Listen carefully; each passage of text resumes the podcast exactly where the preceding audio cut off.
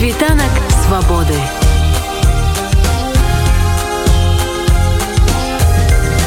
Світ вольнасці. абяцанага яшчэ летась далучэння ўкраіны да еўрапейскіх санкцыяў супраць рэжыму лукашэнкі так і не адбылося замест гэтага за прайшоўшы перыяд гэтага года паказвае рост беларускі экспорт ва ўкраіну прычым па стратэгічных для фінансавання рэжыма артыкулах нафтапрадуктах не здолела ўкраіна адмовіцца і ад беларускай электрычнасці. У той жа час прадстаўнікі грамадзянскай супольнасці беларусі якія падвергліся на радзіме палітычна матываванаму пераследу і спрабуюць шукаць паратунку ад рэпрэсію ва ўкраіне сутыкаюцца тут са значнымі цяжкасцямі. А украінскія сілавікі не хаваюць сваю супрацу з беларускімі карнымі органамі нягледзячы на дэклараваную ўладамі падтрымку беларускай грамадзянскай супольнасці. Пра адносін афіцыйнага Киева і кіроўнага ў беларусі рэжыму і тое чаму словы украінскай улады не заўжды пераўвасабляюцца ў дзеянні мы паразмаўлялі з украінскім палітолагам дырэктарам інстытуту сусветнай палітыкі Евгенам магдам лукашенко в апошні год дэманструе фактычна адкрыта варожую пазіцыю да Украіны то же час ён практычна атаясамлівае ўжо Беларусь з Росіі нешта такое адзінае якое мусіць супрацьстаяць там усяму заходняму свету і Украіне у тым ліку літаральна вось колькі тыдняў таму ён абвясціў што в Украіне адкрыўся як ён сказаў фронт новы трэці там першыя два гэта Польшча і літва То бок ён лічыць Украіну фактычна варожай дзяржавы якая тут без ягоных словаў Нейкія лагеры трэніровачныя арганізоўвае і з'яўляецца загрозай што сюды выцягнуцца сілы НАТО і гэтак далей. І пры гэтым украінская ўлада фактычна не прызнаючы лукашэнку легітымным прэзідэнтам Беларусі і ягоны адпаведны рэжым лагічна было бы лічыць не легітымным не мае чым права кіраваць гэтай краінай але супраца афіцыйнага Киева і таго рэжыма кіруе зараз у Беларусі не толькі просто працягваецца але і павялічва наколькі зараз вядома за студзень верасень гэтага года імпорт адных толькі нафтапрадуктаў з Беларусі включаючы светлыя нафтапрадукты і асабліва бітум на будоўлі вядомай праграме зеленскага вялікае будаўніцтва павялічыўся на 28соткаў параўнанні з такім самым перыядам мінулого года. Зараз нейкая незразумелая сітуацыя з электрычнасцю А все гэта асабліва нафта і электрычнасць это адне з асноўных крыніц фінансавання бюджэту лукашэнкі якім ён в асноўным корміць сваіх сілавікоў і чыноўнікаў скажите вось няўжо ва украінскай уладзе ну, зусім не разумеюць того что адбываецца альбо што рухае украінскімі уладамі калі яны вось ідуць на такую супрацу з афіцыйным Мецкам Я думаю що все питання в тому що українській владі бракує чіткості розуміння власних інтересів і бракує усвідомлення принципів європейської політики, бо європейська політика спирається на такі речі, як солідарність. Але ваш земляк, а мій колега Ігор Тишкевич, наприклад, теж зауважив, що Литва почала активно закуповувати електроенергію з білоруської АЕС. Тобто, тут теж є свої особливості, свої нюанси. Хоча півроку тому Гітана Снауседа президент Литви з трибуни Верховної Ради закликав Україну не закуповувати енергію з білоруської АЕС. Насправді я е, відомий в Україні і в Білорусі як людина, яка до серпня 2020 року називала Лукашенка гібридним союзником України. Це факт, і він був таким союзником і постачання паливно-мастильних матеріалів і інше, але за великим рахунком це була були постачання вантажівок і постачання тягачів і співпраця військово-технічній сфері багато було факторів. І зараз постачання е, білоруського бензину і паливно-мастильних матеріалів має активний характер. Бітум він став, ви бачите, фактором зростання білоруського експорту і він е, ставить під загрозу Е, багато, ну я б сказав, факторів порозуміння між Україною та Європейським Союзом. Але менше з тим, чого треба торкнутися, е, я думаю, просто обов'язково це торкнутися того, що е, на сьогоднішній момент Лукашенко все більше і більше страждає від економічних санкцій з боку Європейського союзу. Готується новий виток санкцій. Україна зі свого боку санкції проти Лукашенка не запроваджує, навіть не запроваджує персональні санкції. Я вже не кажу про санкції секторальні, і це тривожні сигнали. Можна бути як Європейський Союз, який теж може з одного боку шмагати Лукашенка, називати його білоруським диктатором, а з іншого боку, все таки зберігати з ним економічні відносини, але не в нині не в українських умовах. Насправді тому я думаю, що за великим рахунком Україна та Білорусь зацікавлені в розвитку. Е, економічних відносин, але якщо Білорусь цьому зацікавлена і Білорусь отримує від цих відносин більше, власне, більше грошей, вибачте, за прямоту, то їй би якось треба зупинитися з подібними риторичними вправами. Тому що якщо вірити Лукашенку, то дійсно Україна серед його ворогів. Хоча українські політики не дозволяли собі е, навіть на словесному рівні втручатися в якісь е, власне внутрішні справи Білорусі. Тобто е, загальні коментарі стосовно демократичних ініціатив, демократичних прагнень білоруського народу, вони не переходили на е, поширення рецептів того, як білорусам треба жити. Я, наприклад, слідкуючи за ситуацією в Білорусі, я ніколи не казав, що білоруський народ, білоруське суспільство мають робити ось так і от так. Я казав про український досвід, казав, а е, казав, що є певні е, історичні особливості розвитку, але я не вважаю білоруський народ дурнішим за народ український. і Не вважаю, що білоруси самі не можуть прийти до власних необхідних висновків. Ну калі ви вже закарнули гэтую тему падтрымки беларускіх вот этих перамен дэмакратычнай супольнасці Беларусі в прынцыпе афіцыйная ўлада Украіны не вызнала абвешчаныя вынікі прэзідэнцкіх выбараў мінулого году і нават зеленскі выказваўся наконт таго што ён як бы не лічыць лукашэнку легітымна абраным прэзідэнтам і абяцалі абяцаюць усялякую падтрымку дэмакратычным памкненнем беларусаў Але зараз сітуацыя сталася такая асабліва ў гэтым годзе гэтым летам што вялікая колькасць беларусаў вымушаная уцякаць і адзіны шлях для уцёкаў з Беларусі сёння застаўся практычна праз Украіну тому что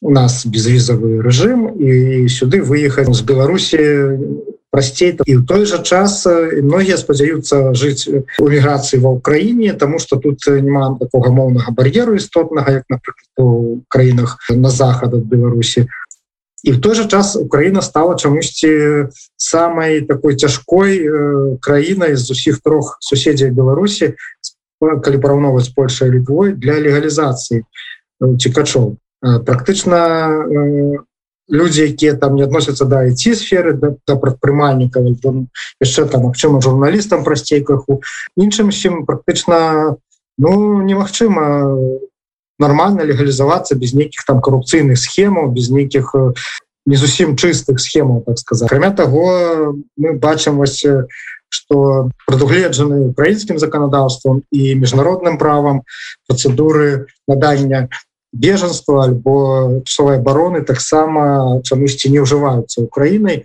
дачыненні да уцікачоў палітычных з Беларусі Чаму адбываецца на ваш погляд такая сітуацыя вось абяцанні украінскай дэкларацыі украінскай улады ідуць як бы насуперак тому что бачна насамрэч якщо чесно наявність корупційних схем для білоруських біженців в українській системі влади особливо після революції гідності, це просто ганебно. От я чесно кажу, ганебно.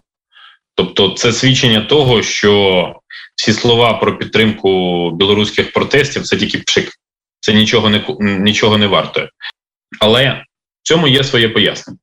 Польща і Литва білорусам допомагають вже тривалий час. І Україна в цьому випадку, вона, ну я думаю, що українські урядовці про це знали, але вони виступили за відомим принципом про кукурікає там, хоч хоч і не світає. Тобто вони заявили, що ми будемо підтримувати білорусів. Давайте, давайте їдьте до нас. Але е, скажу відверто, що там ну за різними оцінками 300-400 тисяч громадян Білорусі з серпня, ну за за десь за останній рік приблизно сюди переїхали. Але залишилось тут набагато менше. Ну тобто е, можна побачити в Києві і в інших великих містах машини на білоруських номерах. Це правда. Але сказати, що от всі білоруси тут от осіли і далі нікуди не рухаються, це неправда. Тобто тут немає такої системи в Україні, яка б сприяла активному розвитку е, і становленню білоруської опозиції. Мені невідомі Е, потужні лідери білоруської опозиції, які своїм місцем зосередження, е, ну місцем постійного перебування обрали Київ. Я не хочу називати прізвище, щоб когось можливо не підвести. Але ну факт лишається фактом, що вони віддають перевагу перебуванню в Європейському Союзі, і тому, що там і Польща і Литва надає більшу фінансову підтримку. Не секрет, що Польща зараз е, в східноєвропейській своїй політиці робить ставку на Білорусь е, і на білорусів. А Литва, наприклад, навіть визнала ну штаб Тихановської, як надала їй дипломатичний статус. А в Україну Світлана Тихановська навіть не приїжджала. Тобто, це це теж свідчення того, ну от що та ситуація, яка на сьогоднішній момент спостерігається, вона ну е, я не кажу, що вона унікальна. Ні, подібні речі бували і раніше, і в сусідській політиці це все зрозуміло, але вона не щира. А нещирість між сусідами, мені здається, найгірше, що може бути. Ну тим більше, що е, справді пересічні українці вони уважно в моєму розумінні уважно слідкують за ситуацією в Білорусі і вболівають за зміни в Білорусі. Світанок свободи.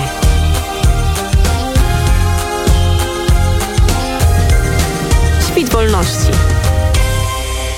Ну а мы працягваем гутарку з дырэктарам інститута сусветнай палітыкі в Україні Евгенам Магдам і абмяркоўваем супрацу Киева з беларускім рэжымам. яшчэ одна сфера это супрацоўніцтва праваахоўных органаў Украіны з ну, карнымі інакш не назавеш органамі Беларусі зараз фактычна ўсе гэтыя сілавыя структуры яны накіраваныя на толі на тое каб пакараць удзельнікаў пратэстаў і альбо тых хто не згодны з лукашэнкам мы бачым выпадкі калі афіцыйна міністэрства унутраных справ Украіны паведамляе пра нейкіх 16 чалавек выдадзеных Беларусі яны кажуць маўляў там ну яны не называюць хто але па нейкія звестка што гэта чыста крымінальнікі і тым не менш у нас асноўныя лідары якія зараз знаходяцца у вязніцах беларускіх гэта там няма палітычных артыкул там крымінальны нехта нібыта падаткі не заплаціў нехта там арганізоўваў нейкія масавыя беспарадкі так далей тым не менш украінскія афіцыйныя прадстаўнікі вось гэтых праваходных органаў тлумачаць што ў іх ёсць дамова 1992 году аб супрацы гэтай сферы Хаця в 92 годзе яшчэ лукашенко нават на палітычным расхілі Беларусі не пахла як кажуць чаму яны не спынілі гэтыя свае стасункі з беларускім рэжымам пасля того что адбылося апошні год я не буду виправдовувати поведінку української влади я спробую пояснити міжнародні домовленості вони мають виконуватись і відповідно Е, принцип дуже простий: що якщо ти хочеш, щоб сусіди е, дотримувались домовленості з тобою, ти маєш дотримуватись домовленості з ним. Очевидно, що за політичними статтями все-таки з України е, білорусів до Білорусі не видають. Я розумію, що тим, кого кого повернули на батьківщину, і відповідно повернули до білоруських силовиків, від цього не легше. Але в Україні відомі випадки, коли в Росію видавали громадян Росії, які брали участь е, в бойових діях на боці України, фактично проти Росії на Донбасі. Тобто, ну це не масовий характер, це поодинокі випадки, але таке теж було. Тобто, десь це бюрократія, десь це дурощі чиновників, десь я думаю, в тому числі і підкуп це теж не можна абсолютно відкидати. Але факт лишається фактом, що ця, ця тема безумовно працює. Я думаю, що кожен подібний випадок він має ставати відомим і громадськості і правозахисникам в Україні і в Білорусі. І тоді е, ну, це має ну, має бути така е, своєрідна незалежна е, правозахисна експертиза подібних рішень. давайте зноў вернемся до эканамічнага складніку вы узгадалі санкцыі якія Украіна так і не ўвяла і нават як бы пагрозах тых санкцыяў нават няма там размовы нейкія вяліся і у выніку нават з тым же самым бітумам Нават не ўжываюцца нейкія захады для того каб знайсці замену беларускаму бітуму недзе в Европе там ці яшчэ дзесьці.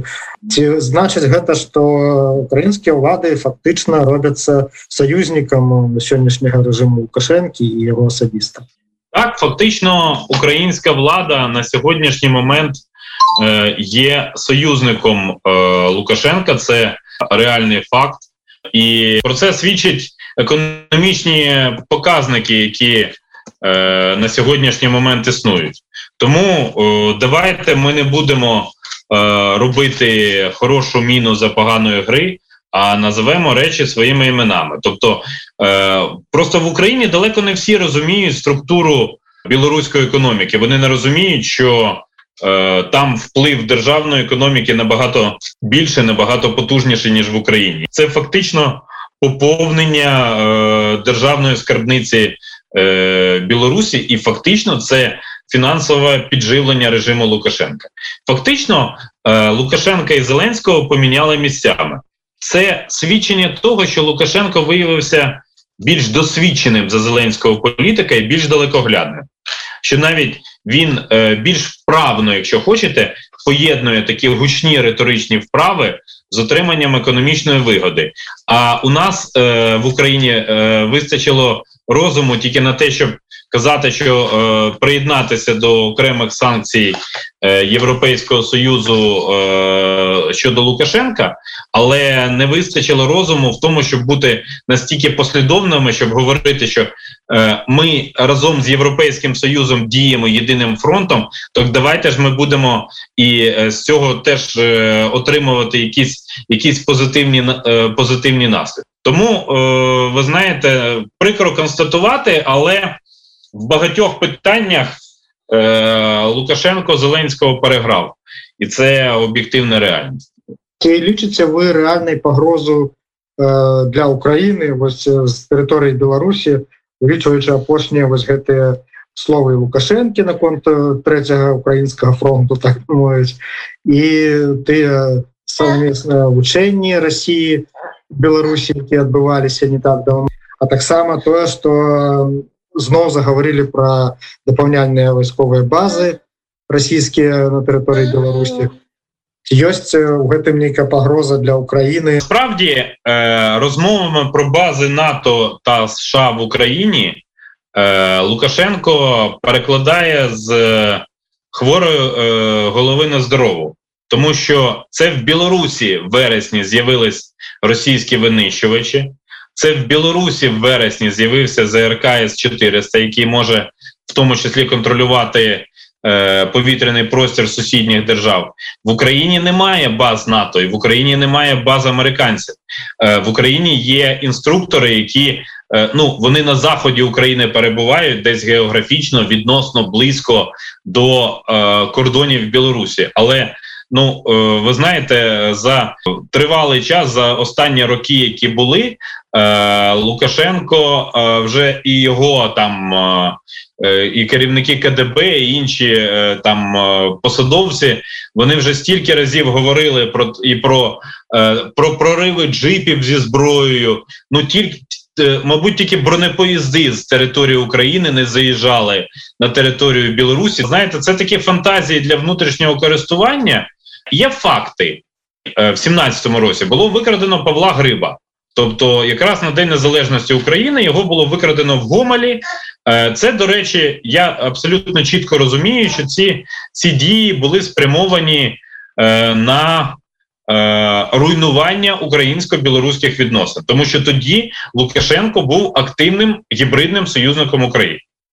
Потім була е, справа політики і справа Шаройка. Політика це громадянин Білорусі, який був затриманий за шпигунство. Шаройка, як колишнього прес-секретаря головного управління розвідки України, е, а тоді е, е, кореспондента Суспільного радіо е, затримали в мінську, але в 19-му році він повернувся в Україну. А політика повернувся до Білорусі. Але от е, Гриб теж в 19-му році, до речі, повернувся під час обміну ну з Росії, бо його ж викрали росіяни, а не представники Білорусі. Я б сказав так, що е, риторика Білорусі вона е, не відповідає дружнім відносинам.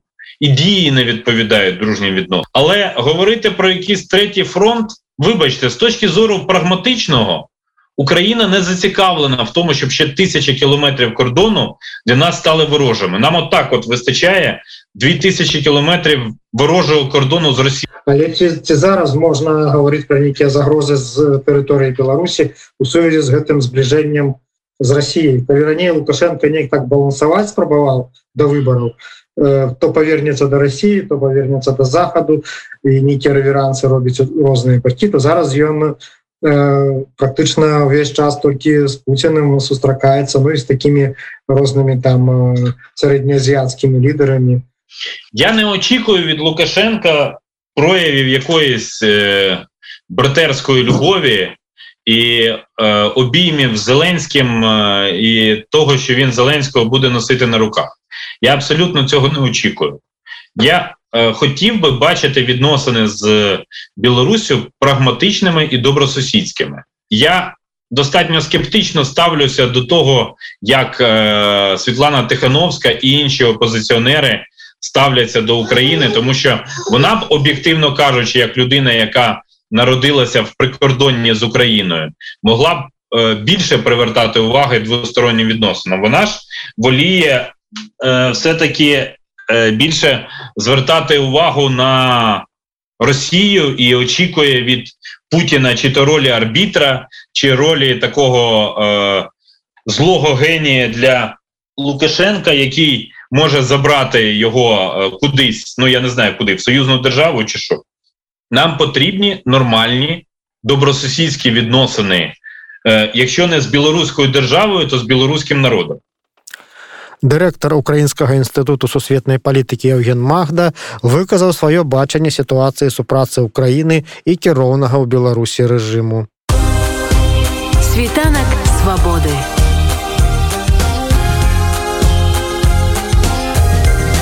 Świt wolności.